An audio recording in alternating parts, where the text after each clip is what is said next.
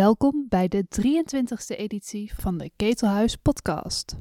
Zowel in debuut als in een vrouw even als, als in Koelemeren zijn het vrouwen met een, met een buitenproportioneel verlangen om hun, hun, hun eigen uh, lust te uiten. En uh, zich niet houdend aan de, de morele maatstaven van de omgeving, waardoor ze in conflict raken. En ja, dat is natuurlijk interessant om te vertellen.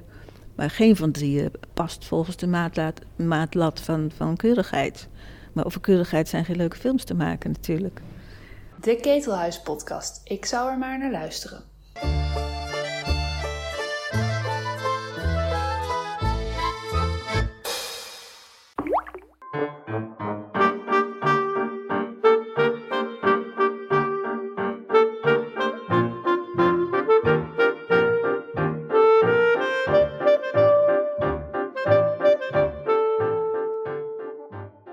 Noeska van Brakel werd geboren op 18 april 1940 en is nu dus ruim 80. Je kunt haar gerust omschrijven als de eerste vrouwelijke filmregisseur in ons land die ertoe deed. Ze is vooral bekend als regisseur van de speelfilms Het Debuut, Een vrouw als Eva, Van de Koele Meren des Doods en een maand later. Begin 2018 verscheen haar boek Scènes uit mijn eigen draaiboek, waarin ze terugblikt op haar leven en carrière in verhalen verteld aan haar kleinzoon. De Marleen Gorrissen, de Meike de Jongs, de Nanoek Leopolds en de Sascha Polaks van deze wereld kunnen niet anders dan een diepe buiging maken voor deze grande dame van de vaderlandse cinema. Floortje Smit ging met haar uitwandelen. Het binnenpleintje van het Oost-Indisch Huis in Amsterdam. Dat is een goed startpunt, zei regisseur Noeska van Brakel. Als ik aankom bij het toegangspoortje aan de Damstraat, dan staat ze er al. Een beetje te mijmeren over het verleden, vertelt ze. Niet mijn lievelingsactie. Terugdenken aan vroeger. Ja, ach, wat heb je eraan? Waarom moet je hier uh, terugdenken aan vroeger? Nou, hier is mijn. Hier waren de eerste twee jaar van de filmacademie. Uh, ben ik hier geweest. Het was net begonnen, dus het was, het was ook nog maar twee jaar en het was drie dagen in de week. En het was hier een een of ander groot lokaal met een hele grote kachel. Het was een hele koude winter. En uh, daar zaten we dan in geplot met een man of dertig. Of nou, vooral een man of dertig en drie vrouwtjes erbij. En ik was daar één van. Maar er waren wel drie vrouwtjes. Ik dacht dat je de enige was. Nee, nee, nee, er waren er wel drie. En dat, uh, wij werden, ik heb nooit sigaretten hoeven kopen in die tijd. Want je had die Franse films, weet je wel. Dan stak iemand een sigaret voor je aan. Zo in zijn eigen mond. En dan gaf hij die aan jou. En dan rookte jij hem verder op. Dat was heel intiem. en dan zorgde je ervoor dat je een beetje voor het raam zat. Dus als je de rook uitblies, dat het net een, een, een, film waar leek. Weet je wel, dat je diep zat na te denken en te lijden. En dan met zo'n mooi wolkje voor je gezicht. Had je dan ook van die, van die platte schoentjes en dan zo'n zo'n zwart kooltruitje, dat soort dingen? Ja, ja, ja, ja, ja. zeker een kooltrui. Dus jullie het kooltrui. En nou, ik ben een beetje klein, dus ik denk wel dat ik op, op hakjes liep. Toch een soort van, om ietsje groter te lijken dan die 1,62 die ik inmiddels ben geworden. Maar toen was ik denk ik al 1,65. Dus ik, wel, ik was wel het kleinste pukje in de klas. Ja, verder allemaal een, heel wisselende leeftijden. Want de toelating was uh, vrij open, want het was net begonnen. En uh, er waren ook eigenlijk nog veel te weinig leraren. En uh, dus we hadden ook iemand uit, uit, uit een, een Papua-jongen uit, uh, die hier het vak ging leren en dan daar in school zou beginnen. mensen die al veel ouder waren. Nou, ik, was, ik kwam net van een andere opleiding waar ik van af was gestuurd. Dus ik was lang blij dat het maar twee jaar was. Want mijn vader wilde vier jaar na studie betalen en niet meer. Niet uit onwil, maar gewoon uit financiële omstandigheden. Dus ik was blij dat ik werd toegelaten. Waarom wilde je dat eigenlijk, film? Want dat was, ik bedoel, je was wel inderdaad de eerste vrouw. Vrouwelijke regisseurs waren er niet echt. Nee, helemaal niet. Ook in het buitenland niet eigenlijk. Nou ja, je had natuurlijk Agnes Varda, die mijn grote voorbeeld is geworden. Die ik ook heb leren kennen. En um, nou, ik wou het, ik, in de tijd dat ik in Utrecht studeerde, dus zat ik op de Academie voor Expressie, Doelwoord Gebruik. En in de, in de zomervakantie ben ik toen oefreuze geweest in, in de, bij Wolf concern. Waar dus alle Bergmannen en Truffauts en Godards en noem maar op. Alles wat opkwam in de Nouvelle Vaak uh, werd er gedraaid. Wacht even voor oefreuze? Ja, met zo'n kort rokje. En dan had ik hele hoge hakjes, want het scheelde in de tip die je dan kreeg. Want dan liep je met een bord met pepermuntjes en dropjes. En het kaartje, je nam het, bij de ingang nam je het kaartje van de, van de gast aan. En dan trippelde je voor hem uit en zette hem op de keurig, scheen je op de stoeltjes. En dan gingen ze zitten. En dan krijg je, van de man kreeg je een dubbeltje of een kwartje. maar daar zag je allemaal Bergmans. Ja, en een hele zomer lang, want ik ging verder niet op vakantie. En toen heb ik ook best aardig bijverdiend. En uh, ja, toen heb ik heel veel films gezien waar, die ook uit te zagen dat ze niet zo ingewikkeld waren om te maken, zeg maar. het was natuurlijk altijd kunst uit, of, of uh, grote bombardie uit Amerika. En dan zag je films van, van Godard met, die, met zijn vriendin had gedraaid en met, met zijn buren. En ook natuurlijk door het feit dat er een 16 mm camera was ontwikkeld die je op de schouder kon nemen en die je makkelijk kon uh, ronddragen. Dus je kon op straat filmen, dus de, de studio's werden vermeden. De superacteurs en actrices werden vermeden. Dus het, het werd haalbaar, het kwam dichtbij. En toen dacht jij, dat kan ik ook? Dacht ik, nou, dat vind ik wel leuk. Want het is een, die, die vorige opleiding was, was nogal emotioneel. Het was de Academie voor Expressie door Woord en Gebaar. En dan word je opgeleid voor, waar veel mensen die eigenlijk naar de toneelschool wilden, maar je, je werd opgeleid voor docent uh, creatief spel en dramacoach en dat soort dingen. En ik miste daar een beetje een, een, een, een beetje harde technische kant, zeg maar. Ik had gymnasium Bertha gedaan en dan word je toch een beetje nuchter opgeleid met feitenkennis. En uh, dus toen ik op de academie kwam, toen vond ik dat een verademing dat er niet al die emotionele vrouwdingen steeds aan de orde kwamen. En dan kon je niet repeteren, want iemand was ongesteld. En dan dacht ik, nou zeg, flikker gauw net op. dus ik vond een beetje niks.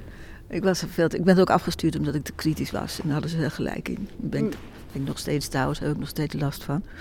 Maar ik had een beetje voorbeeld gekregen aan mijn vader. Die was uh, muzikant geworden. Hij had eigenlijk de bakkerszaak van zijn vader over moeten nemen. Maar zowel hij als zijn broer zijn de muziek ingegaan. En die zat dus overdag de hele dag te repeteren voor zichzelf. Want hij, wilde ook, hij was bassist, contrabassist. En hij wilde ook drummer worden. Er zat zo'n bordje gemaakt voor zichzelf met een, een geluiddempend dempend stukje rubber erop. En dan zat hij pannenkoeken, pannenkoeken, pannenkoeken, pannenkoeken, pannenkoeken, pannenkoeken. Zat hij te repeteren om steeds sneller te kunnen roffelen. En uh, ja, dat, onbewust is dat bij mij toch wel als voorbeeld heeft dat gewerkt. Van als je het wil bereiken, dan moet je, moet je er hard voor werken en hard voor oefenen. En, want anders dan, dan, ja, dan blijf je middelmatig. En dat, uh, dat was niet het voorbeeld. Welke, want je, je zat in zo'n generatie van, van filmmakers die nu heel bekend zijn geworden. Hè? Wie zaten er ook weer allemaal in? Uh, voor mij was Frans Wijs, die zat niet ja. in die twee jaar, maar die, had, die was in het allereerste jaar van de, van de filmacademie. Die was geloof ik twee of drie jaar eerder. Uh, in die groep boven mij zat uh, Gijs Versluis, die is producent geworden. Jacob Bijl, die is filmregisseur geworden. De la Parra, Ruud van Hemert, Mats van Hensbergen, Wim Verstappen. Ja, noem ze allemaal maar op. Die komen allemaal uit, uit die lichting, zeg maar. Maar, maar allemaal wel pittige types, toch? Ja, dat was ook, ook een flinke strijd, want we hadden ook een dichter als docent, Rijn Bloem. En die, uh, die, uh, die stimuleerde heel erg ons poëtisch vermogen, zeg maar. Dus dat gaf ook aanleiding tot pittige discussies. En, en we hadden ja, de, de directeur die het had opgericht, dokter J.M.L. Peters met de M van Maria. Die, ja, die het alleen uit boekjes kende. Dus die heeft ook bij ons in het tweede jaar, heeft hij, dat was geloof ik ook nog hier in het tweede jaar heeft hij samen met ons een film gemaakt. Nou, hij heeft er meer van geleerd dan, wij. Maar dat was wel heel erg leuk. Dan stond hij daar in zijn driedelige pak. Hele ernstige man. Met, met een verstilde soort humor. Die mij uh, niet van school stuurde toen ik zwanger bleek te zijn. En ik dacht, hij is katholiek. Ik mocht natuurlijk niet blijven, want ik ben niet getrouwd. Maar dat was helemaal niet aan de orde. Ik, uh, ik mocht gewoon blijven. Via de bemiddeling van een fantastische secretaresse, Boetje die mij ook op school had ge gekregen, omdat ik, uh, ik belde op toen uh, deze net toelatingsexamen. En zei ze, ik zei, nou ja, dat is toch jammer, dan kom ik volgend jaar weer terug. Ik zei, ik ben te laat, sorry, ik wist het niet. En dan belde ze de volgende dag terug van, moet je luisteren, ik heb even met de directeur gesproken. En we hebben zo weinig meisjes. Dus als jij nou eens voorlopig tot kerstmis op de academie kwam... en dan met kerstmis wordt er besloten of je mag blijven... Nou, ik heb me kapot gewerkt. Ik kreeg een lijst met boeken die je dan ge gelezen moest hebben. Een lijst van 50 boeken. Daarboven stond, uit deze lijst moet je er ongeveer vijf gelezen hebben. Dat heb ik overgeslagen, dus ik heb ze allemaal gelezen. dus ik ben toegelaten. Maar ben je, dan, ben je dan ook harder aan het werken? Dat je denkt, ik moet, moet net zo of harder werken dan, dan een jongen? Nee, maar wel harder werken omdat ik geen toelatingsexamen had gedaan. Dus Mm. ze, ze, nee, nee, dat speelde, dat speelde helemaal niet. Dat is nu veel meer een, een item. Ik bedoel, er is nu een vrouw die bij D66 bovenaan staat. Hè? Ik zeg ook, er is nu een vrouw. Weet je, het blijft nog steeds apart betiteld. Dat zal ook nog wel heel lang duren voordat dat niet meer als aparte aanduiding. Ik krijg ook nog steeds te horen, terwijl het niet bij mij vandaan komt, dat ik de eerste vrouw ben die. Nou, de eerste vrouw die met speelfilm in de bioscoop is terechtgekomen. Maar ja, dat kan je honderd keer zeggen, maar dat wordt, dringt niet door. Dus bij deze luisteraar, ik ben de eerste vrouw die in Nederland... Nou ja, in 1936 was ook nog iemand, maar daar is niks van bewaard gebleven... die met films in de bioscoop is terechtgekomen. Ja, want we hebben afgesproken omdat je, nou ja, een vrouw als Eva komt op DVD het debuut en Koele Meren des Doods. Die wordt ook prachtig opgeknapt eh, door AI. Die is binnenkort ook Ja. te zien op de website. Ehm, het debuut is te zien via, via de website van AI. Dus ik dacht dat is een, een mooie aanleiding. Maar het is ook eens een mooie aanleiding om met de eerste vrouwelijke regisseur te gaan praten. En toen dacht ik, word je daar ook niet gewoon helemaal zat van dat het altijd maar dat stickertje is? Nou, het, het, het, het grappige is dat het nu weer terugkomt. Het is wij, Matthijs, die de producent is van al die films, waarmee ik dus van jongs af aan, eh, van begin af aan mee heb eh, samengewerkt toen, eh, hebben ook afgesproken, tenminste dat wilde ik afspreken, heeft hij zich aan gehouden. Er wordt geen nadruk gelegd op het feit bij het debuut, dat, wel dat het mijn debuut is als filmmaker, maar niet dat het, dat het voor het eerst een vrouw is die enzovoort. En ik moet zeggen dat dat, in, want ik heb het nog eens nagelezen, eh, dat het ook niet gebeurd is. In het buitenland wel. En op die vrouwenfilmfestivals was het natuurlijk een waard van die, van die Franse kakineuze journalisten die dan vroegen, die, die zich dan ook helemaal vergisten. Dat was in Berlijn toen wij met een film, eh, zwaarmoedige verhalen, daar de openingsfilm waren. En dat iemand in een hele volle zaal eh, serieus aan mij vraagt, terwijl ik een, een zwarte satijnen broek aan heb waar bloemen op zijn geschilderd, eruit zie als Angela Davis qua haardracht, aan mij vraagt hoe ik dat het nou toch doe als actrice. Elke keer weer andere kleren verzinnen. er viel een dode stilte. Iedereen begon te lachen. En Matthijs die zei met een heel gemeen lachje... dit is de regisseur van de laatste film. Maar ja, goed, dit is lang geleden hoor. Dat, dat, nee, ik heb er verder geen last van gehad. Het is echt de laatste tijd weer... eh, omdat natuurlijk een paar films ook weer vertoond worden. Ik heb trouwens wel, ik heb één kritiek nog van een debuut gevonden in eh, van de Telegraaf. Daar stond het wel in. Hij, heeft, hij moest een hele lange aanloop nemen qua Ja, woorden. En ja. toen eindigde hij ermee van ja, het is toch, het is toch een vrouwenfilm, dat kan je zien. Maar gelukkig wel een goeie. Ja, ja, ja. Ja, ja maar door het vrouwenfilm is natuurlijk ontzettend besmet geraakt. Daar was ik ook helemaal geen voorstander van, omdat het zo beperkend... Hè, je hebt dierenfilms, je hebt sportfilms en je hebt vrouwenfilms. Maar voor de, de time being vond ik het wel nuttig, omdat het eh, een explosie van vrouwelijke regisseurs losbarstte in de jaren 70, 80. En tot nu is het weer wat minder geworden, maar is het ook niet meer bijzonder. Maar overal festivals en in Duitsland een enorme groep vrouwen die, die, die films maakten, die overal vertoond werden in, in, in, eh, op festivals enzovoort enzovoort.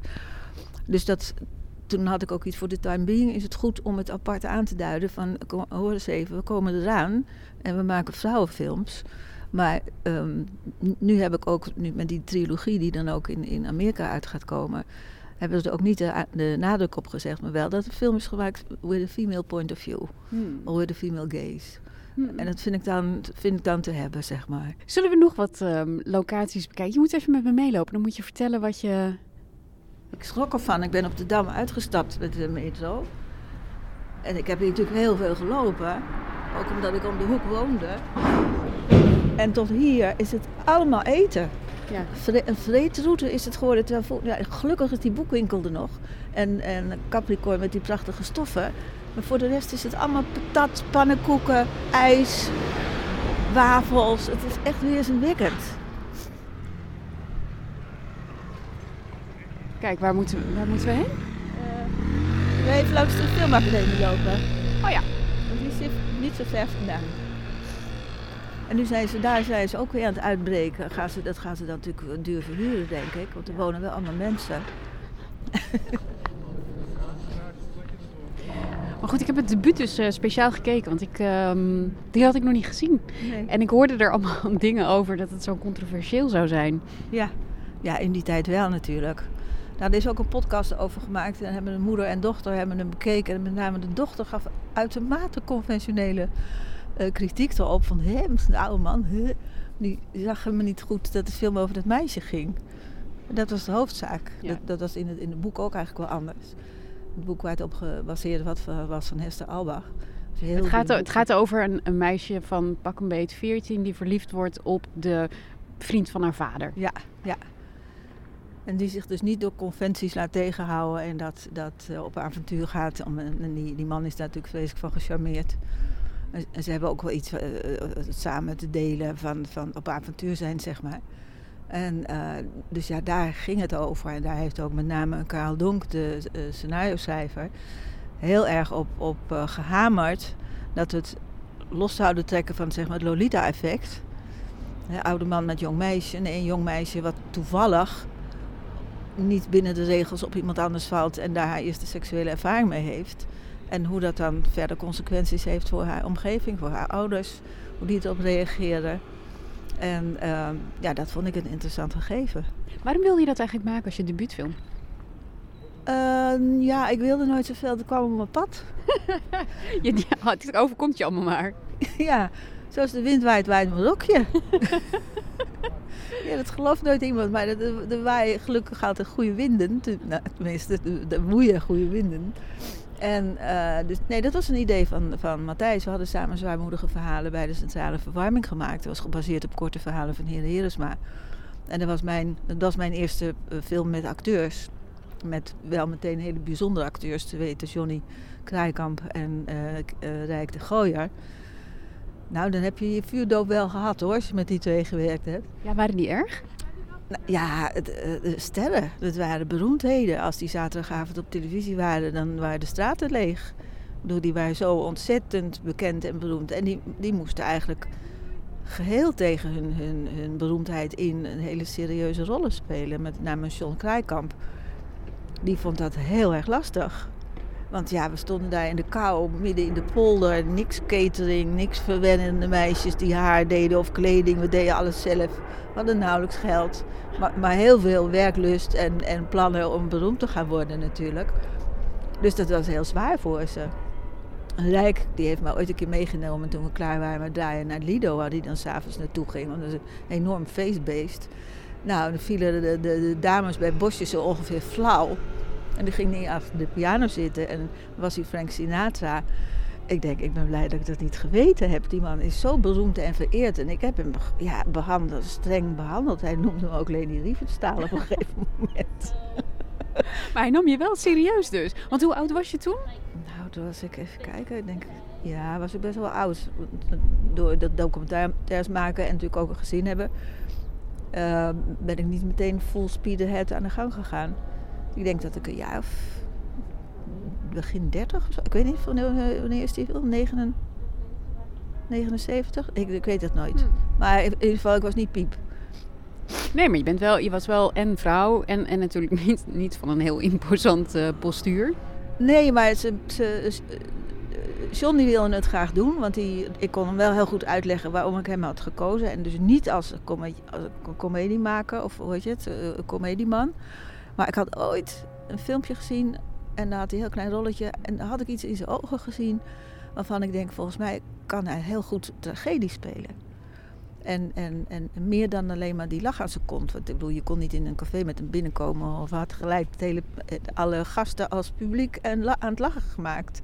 Nou ja, met dat filmpje was dat niet aan de orde. Dus hij is ook een keer boos weggelopen over de dijk. Ik zie hem nog lopen zo. En stonden wij, jonge broekies. Theo was toen al mijn vriendje.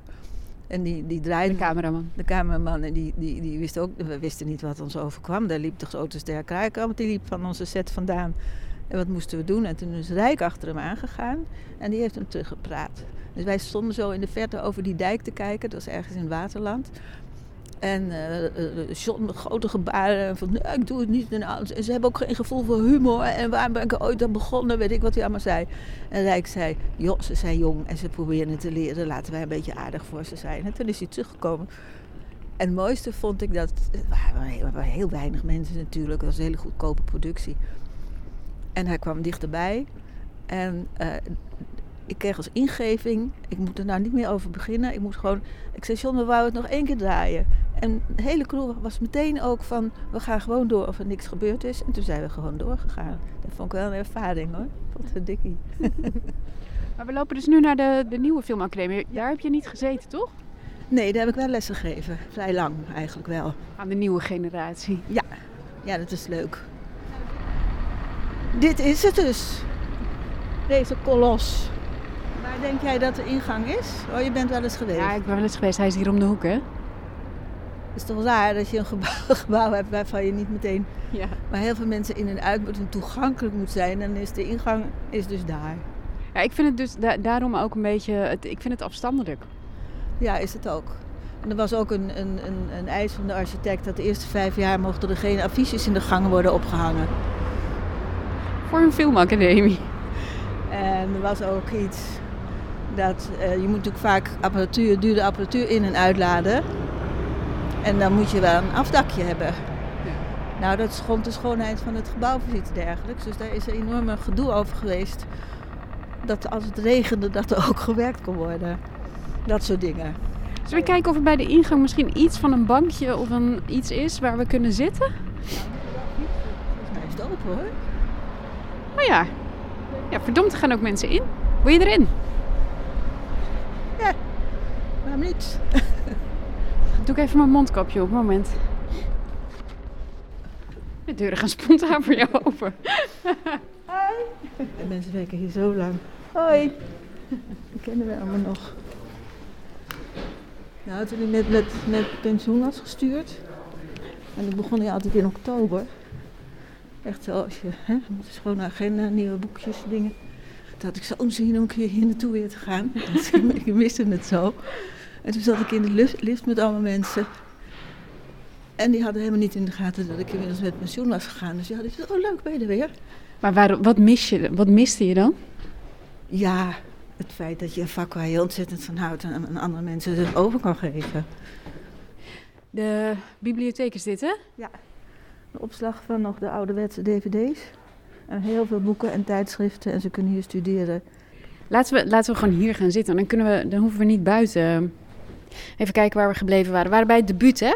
Ik zat daar dus ook naar te kijken. En toen dacht ik, ehm, want je, je hoofdrolspeler is, eh, is Gerard Cox. Ehm, dat is, De hoofdrolspeelster is eh, Marina de Graaf. Ja. Daar gaat de film over.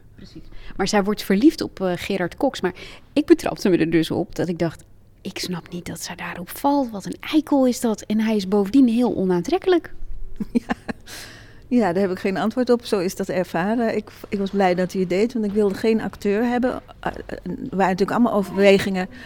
eh, toen we besloten om met Marina aan de slag te gaan, die had geen ervaring. Dus ik wilde niet een, een ontzettende aanwezige, vreselijk aantrekkelijke acteur. Dus we hebben gezocht bij de, bij de cabaretiers. Paul Vliet die wilde niet. Nog een aantal mensen die wilden niet. Een heleboel mensen die waren dus bang voor hun naam als ze in een soort Lolita-achtig verhaal terechtkwamen.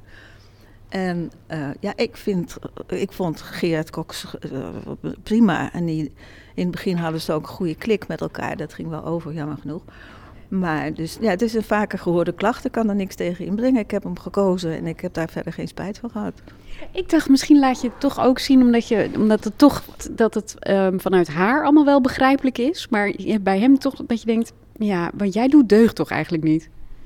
Ja, zo is het niet geregisseerd, moet ik zeggen. Want dat, dat, dat vond ik, want ik wou absoluut ver weg van het eh, Lolita gebeuren. En eh, Matthijs en ik zijn ook naar Parijs gereden om die film daar te bekijken, want hier was hij verboden. Nou ja, toen wist ik ook meteen van dat de debuut daar helemaal niet op zou gaan lijken. Want dat is dus gewoon echt een, een, een, een, een zieke, zieke gebeurtenis, zeg maar. Ook hoe dat meisje dat speelt natuurlijk. Ik bedoel, het is echt een, een, een, een oude mannendroom. En dat wou ik dus absoluut niet. Dus misschien dat ik daarom ook niet zo'n. Ja, daar heb ik eigenlijk niet zo goed over nagedacht. Ik was lang blij dat Marina dat wilde spelen, omdat ik die perfect vond voor die rol. En eh, zelfs qua- camerastrategie hadden we bedacht dat we er niet bovenop zouden moeten zitten. Met de, dat heb ik dat samen met Theo van der Zanden bedacht. Dat we met de camera er niet bovenop zouden moeten zitten, dat ze zich vrij zou voelen. Maar ze was zo professioneel vanaf dag één. Het was zo'n natuurtalent. Dus we hebben alle dingen van op, op afstand filmen met lange lenzen. En dat soort zaken allemaal overboord kunnen zetten en er juist gewoon heel dicht bovenop kunnen zitten, omdat zij bloeide op als de camera op er stond. Het was echt ongelooflijk, daar hebben we zo'n geluk mee gehad. Waarom kon ze niet met Gerard Cox? Ja, die, kreeg, die, die, die kon niet tegen die vrijgevochtenheid. Dus eh, hij heeft ook een keer een klap gegeven. Niet. Midden in, in de auto. Toen had ze zo het bloed onder zijn nagels vandaan gehaald. Dat hij er een pets had gegeven. Dus toen het volgende shot had ze een das om. Waarom had ze eigenlijk een das om? Omdat, omdat ze een blauwe plek op de wang had. Hij had er zo hard geslagen dat een ze... pet gegeven, ja. Dus dat, eh, ja, dat moet je dan oplossen. Maar heb je dan niet gezegd, hé, hey, doe even normaal? Ja, maar het was al gebeurd. Dus ik, ik, ik denk dat ik te druk had met andere dingen om daar nog op in te... ik, ik hoorde het ook pas later hoor, want eh, we waren aan het voorbereiden en zij zaten in de auto. En eh, toen ik dichterbij kwam, deed dus net of er niks gebeurd was. Dus ze wilde mij daar ook niet mee lastigvallen. Dus het is, het is mij pas later verteld. Maar hoe los je dat op als, als regisseur, als je, als je twee hoofdacteurs ruzie hebben met elkaar? Ja, dat, dat, dat is niet op te lossen. Ik bedoel, dat, dat, eh, Marina was met name en Gerard ook professioneel genoeg om eh take 2 met een das eh, te draaien. En ze hadden ook ruzie in die auto, in de scène, in de film. Dus wat dat betreft kwam het me wel goed uit eigenlijk. Maar het was natuurlijk wel bizar. Zoiets als in het debuut, hè, waar, waarvan je inderdaad kan zeggen... In de tijd dat je het maakte, was het nog ehm, redelijk acceptabel of geaccepteerd dat een meisje van 14 zo'n zo'n man uitkiest. Nu zeggen mensen, ja, maar zo'n meisje kan dat helemaal niet zelf eh, wel bewust hebben uitgekozen, want ze was nog een tiener, ze was te jong, dus eh, er zit een, een machtsverhouding in, al automatisch. Ja, maar niet natuurlijk als je dan zou je dus elk jong iemand of elke ondernemende vrouw zou je in zo'n kader willen proppen en een heleboel eh, passen daar niet in. Ik bedoel, dat is natuurlijk vrij verstandelijk beredeneerd. Terwijl als je ervan uitgaat, en dat zijn natuurlijk alle drie de films, eh, de, de trilogie van Noeska, zou ik maar Mhm. zeggen. Zowel in debuut als in een vrouw even als, als in Coulommiers zijn het vrouwen met een, met een buitenproportioneel verlangen om hun, hun, hun eigen eh, lust te uiten. En eh, zich niet houdend aan de, de morele maatstaven van de omgeving, waardoor ze in conflict raken. En ja, dat is natuurlijk interessant om te vertellen. Maar geen van drieën past volgens de maatlaat, maatlat van, van keurigheid. Maar over keurigheid zijn geen leuke films te maken natuurlijk. Dus het moet altijd iets exceptioneels hebben om, vind ik, om, eh, om te laten zien en mensen aan het denken te zetten of alles wel zo volgens de gebaande paden moet lopen. Ik vond het wel, ik, ik zag ze inderdaad achter elkaar en ik dacht, het is toch interessant in hoeverre jij ehm, seksualiteit als een, als een normaal onderdeel eh, van dat vrouwenontwaken maakt. Want het- ik heb een beetje het idee dat tegenwoordig, hè, als je een seksscène hebt, dan is het, is het bijna een soort moedje van, een, nou ja, oké, ze krijgen elkaar, dus we moeten heel even een seksscène laten zien. Maar bij jou is het echt een wezenlijk onderdeel van Ja. die films. Ja, ja dat klopt. Dat, ik vind het ook een wezenlijk onderdeel van het leven. Dus daarom is het ook zo raar dat het, dat het met name ook vanuit allerlei religies waar mannen aan het hoofd staan, zo ge, ge, ge- hoe noem je dat, verduiveld wordt, gedemoniseerd bedoel ik. Een demon of duivel, nou, er is niet veel verschil. Eh, dat dat zo wonderlijk is, dat er een vrouwelijk gegeven is waar mannen zo bang voor zijn. Dat ze het eh, proberen te onderdrukken en vrouwen bewust te laten worden dat ze, dat ze afstammen van. eh, dat ze in de hel moeten als een stukje van hun enkel laten zien. Dat mannen dat dan allemaal verschrikkelijk opwinden. Het is toch te zot. Inderdaad, de islam, de, de, het christendom en jodendom hebben alle drie een, een, een heren, een mannengod. Die vertaald wordt, misschien als hij bestond heeft het niet zo bedoeld, maar die vertaald wordt door zijn volgers, dat het allemaal zondig is. Eva, wij zijn allemaal Eva's. Ik wil het graag hebben met jou over, ehm, over het eh, verfilmen van, van seksualiteit. Want daar, ben je, daar komt die, die female point of view natuurlijk ontzettend naar boven, denk ik. Hoe heb je dat aangepakt ehm, bij het debuut? Hoe wilde je dat dat niet ehm voyeuristisch of funzig zou worden? Nou, het was ik wilde vooral, en daar, daar, dat had Marina zelf ook eh, eh, aan zich, eh, een soort onschuldig plezier in het ontdekken van seksualiteit. Dus vandaar ook dat die, die, die scène erin zit waar mensen dan soms ook overvallen.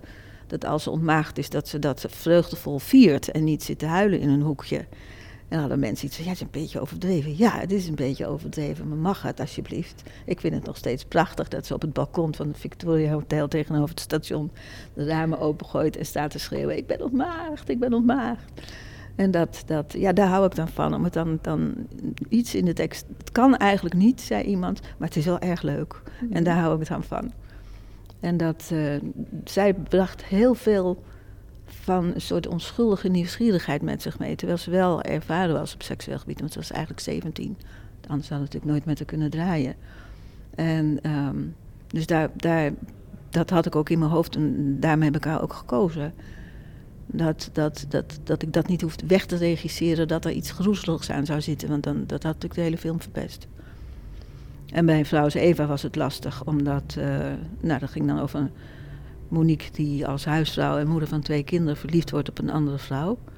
Eerste lesbische film van Nederland. De eerste lesbische film. De eerste film over lesbische verhouding in Nederland. En um, dat was veel last, lastiger natuurlijk. En dat, dat, uh, dat is ook, dat, ik bedoel, daar heb ik me ook duidelijk over uitgelaten als het uh, aan de orde kwam. Dat dat niet is geworden wat ik in mijn hoofd had. Maar je zegt veel lastiger. Is dat omdat, omdat twee vrouwen al snel op een soort uh, porno-terrein komt? Nou ja, nee, dat hoeft natuurlijk niet. Waarom, waarom zou seks meteen porno moeten worden? Nou, wat ik eigenlijk meer bedoel is... Het, twee vrouwen is ook meteen een mannenfantasie. Dus als je, als je dat gaat verfilmen, zit je al snel op dat gebied, bedoel ik. Ja, maar dan, dan kan je natuurlijk nadenken over wat verfilmen... wat nog steeds veel wordt verfilmd, uh, vrouwtje onder, mannetje boven... Uh, dan kan je bedenken, dat heb ik met Coulommiers ook bedacht, dat ik dat niet wil. Daar, daar wordt de hoofdpersoon die op zoek is naar, naar, naar seksuele liefde, zeg maar, uh, die wordt gebeft. Dat was ook nog niet zoveel vertoond. En um, nou wil ik tien dingen tegelijk vertellen, dus ik moet even mijn gedachten ordenen. Um, we hadden het over vrouw Eva. Nee, wat de, de, Maria Schneider en Monique van der Ven uh, daarvoor had ik me veel voorgesteld van, van een soort zachtaardig soort, dus niet van die heftige, agressieve uh, seks zoals in die, in film van Adele. Die ik toen, toen, La Vida Adele. Ja, die had ik toen nog niet gezien, maar ik bedoel, dat, dat, dat, uh, dat had erin kunnen sluipen. En Maria was lesbisch, dus ik dacht, nou, die, die, die neemt Monique dan ook wel een beetje op, op, op, op sleeptouw. Maar die sloeg dicht. En uh, ja, dat was, dat was heel lastig. Dus die Monique heeft dat echt gered, want die, die, ja, die heeft zich daar echt in gegooid en uh, dat heel mooi gespeeld ook. Dus die scènes zijn niet slecht geworden, maar ze zijn minder teder en soepeler en, en liefdevoller en femininer geworden dan ik in mijn hoofd had. Maar Maria Schneider die kwam natuurlijk ook van A Last Tango in Paris, um, waar ze eigenlijk tijdens een seksscène een beetje bedot is door de, door de regisseur, laten we het zo noemen. Bedot is op de set verkracht. Ja. Dus Ze is getraumatiseerd eigenlijk ja. tijdens een seksscène. Ja. Nou ja, wat dacht je van Monique naar Turks fruit? Ik bedoel, die heeft daar in, in, in, in volle onschuldige, prachtige sensualiteit die rol gespeeld. En daar is ze uh, later ook op afgerekend. Daar wilde ze ook zo graag die rol Eva spelen. Om te laten zien dat ze gewoon een serieuze actrice was en is. En dat, dus ik zat met twee getraumatiseerde vrouwen op de set. nou, dat was lastig. Ja, dat was heel lastig. En wat er toen bij een laatste scène, um, die juist de gewoonheid van sensualiteit tussen twee vrouwen zou moeten laten zien, was Maria helemaal dichtgeklapt. En we moesten opschieten en we moesten een vliegtuig halen. En nou, het leek nergens op. Ja, en dan met een hele crew eromheen. Ik kan dan niet boos worden of gaan schreeuwen. Dat zijn regisseurs die dat wel, wel kunnen, maar dat kan ik dus niet. Dus ik denk, ja, wat doe ik hier aan? En toen gebeurde er echt een wondertje. Want onze make-up dame, Iduna, was een lesbienne. En die stapte ineens midden op de set. En die heeft me daar een betoog gehouden naar Maria toe. Van dat ze de film aan het verpesten was. En dat ze de kans kreeg dat dit een film was die nou eindelijk eens een keer liet zien hoe lesbische liefde eruit zou kunnen zien. En deed ze helemaal niet mee. En ik dacht, nou ja, eigenlijk had ik dit dus allemaal moeten zeggen. Maar en Iduna die is klaar en wij vielen allemaal doodstil, stonden we eromheen. En die ging weer staan. En het enige wat ik kon zeggen is van, uh, we gaan nog een keer draaien. Nou ja, en de instructie zeg maar, van Iduna heeft goed geholpen. Dus toen werd het, uh, werd het toch een mooie scène. Maar dat, dat, uh, ik kon het niet op dat moment. Ik was ook dichtgeklapt. En ik was zo blij dat iemand het voor me overnam. Dus dat, en dat redde de scène ook hoor. Maar je hebt nu, je hebt nu allemaal, allemaal uh, intimiteiten, regisseurs, hè, om dit soort, om, om, slechte, om de slechte dingen tijdens seksscènes te voorkomen. Maar daar ben je dan ook weer tegen, toch? Las ik in de filmkrant. Ja, ik, ik was stom verbaasd toen ik dat hoorde. Het, het was wel zo um, dat uh, vroeger, ik heb natuurlijk nu heel lang niet meer op een set gestaan, maar ik was uh, regieassistent bij Turks Fruit. En was toch een beetje gewoonte om als er vrijscènes of naaktscènes, en daar zit hij natuurlijk vol mee, uh, moest iedereen van de set en, en, en alleen de, de head of departments moesten erbij blijven. Of, of die ook nog niet, weet je, alleen de hoofdzakelijke mensen. En uh, dan ging ook iedereen fluisteren. Nou, Monique was daar dus helemaal niet van. Die, die kwam gewoon ook zonder badjas, kwam ze in de naak, mooie naakie, kwam ze de set op, uh, op huppelen. En dan werd die scène gedraaid. En die, had zo'n natuurlijke uitstraling daarover. Het was zo ontzettend mooi. Ik denk, ja, zo kan het ook. En in het begin had ik ook wel iets hoor van... Uh, de opnameleider zei dan zelf al, jongens, uh, die stuurde iedereen weg. En dan werd ik zelf ook een beetje bedremmeld ervan. Terwijl als je het gewoon behandelt als, een, een, als het een normale scène is, als een normale scène. Alleen met mensen die dan toevallig niet veel kleren aan hebben en met seksualiteit bezig zijn. Waarom zou je dat zo, zo, zo eng maken?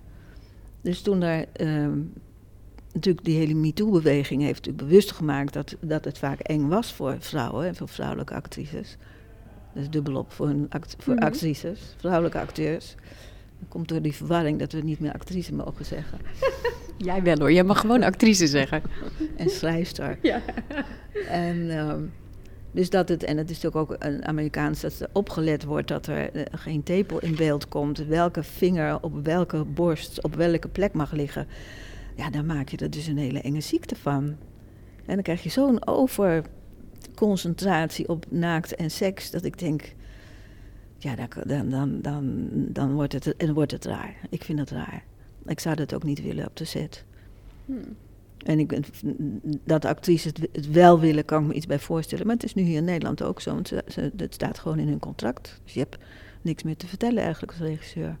Je bent, um, en je zei net van eigenlijk komt alles gewoon een beetje op mijn pad. Is het nou zo dat er gewoon helemaal niks meer op je pad kwam? Of waarom, waarom maak je geen films meer? Er valt nog zo ontzettend veel ook te doen, denk ik.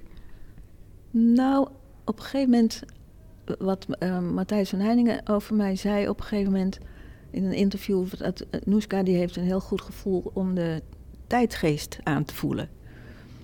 En een poos geleden had ik niks meer met de tijdgeest. Ik had nog wel een plan voor een documentaire en die kreeg ik niet van de grond, waardoor ik heel verdrietig en boos werd. En ik denk, ja, ik kan weer op mijn knieën gaan smeken bij, want je bent afhankelijk van televisie. Uh, bij mensen die ook helemaal niet jouw werk kennen, ook helemaal niet weten wat je gedaan hebt. Dus ik moet weer alles opnieuw uitleggen. Dat vond ik best een beetje beledigend ook. En uh, ik ben blijkbaar de link met de tijdgeest kwijt. En toen op een gegeven moment, nou daar was ik natuurlijk heel verdrietig over, dat, dat het weer was afgewezen. Of mensen ook iets hadden van ja, dat onderwerp, dat is niet sexy hè. Het ging over onderwijs en over het belang van de ontwikkeling van creativiteit, creatieve talenten van kinderen. Nou, ik denk dat het ontzettend noodzakelijk is om daar aandacht aan te besteden. Maar goed, zij dachten er anders over. En toen had ik van de ene dag op de andere, en meestal doe ik dat s'nachts, dat bedenken, dat beslissen, dat ik er zelf niet bij ben. Dan zit er boven in mijn zoldertje, in mijn zolderkamertje van de geest, zit iemand alles te plussen en te minnen. En dan word ik wakker met het idee, ik stop ermee. En daar heb ik dan voor die tijd niet over opgeschreven, met niemand over gesproken. Dus heeft die kleine boskabouter boven in mijn hoofd, heeft dat allemaal zitten uitrekenen. En dan ben ik er al klaar mee. Dat heb ik ook eerder gedaan met scheidingen en met nog iets anders. Dat, is dan, dat wordt dan s'nachts bedongen door, door mijn onderbewuste. En dan ben ik er klaar mee en dan ben ik er ook klaar mee. Dan zul ik er ook verder niet over. Dan neem ik beslissingen die, ingrijpend zijn. Dus iedereen, als mensen vroegen, wat doe je? Ik zei, nou, ik ben ermee gestopt. Die hadden, oh, wat erg. En oh, ik zei, nee, helemaal niet. Ik, ik, wil, ik wil het gewoon niet meer.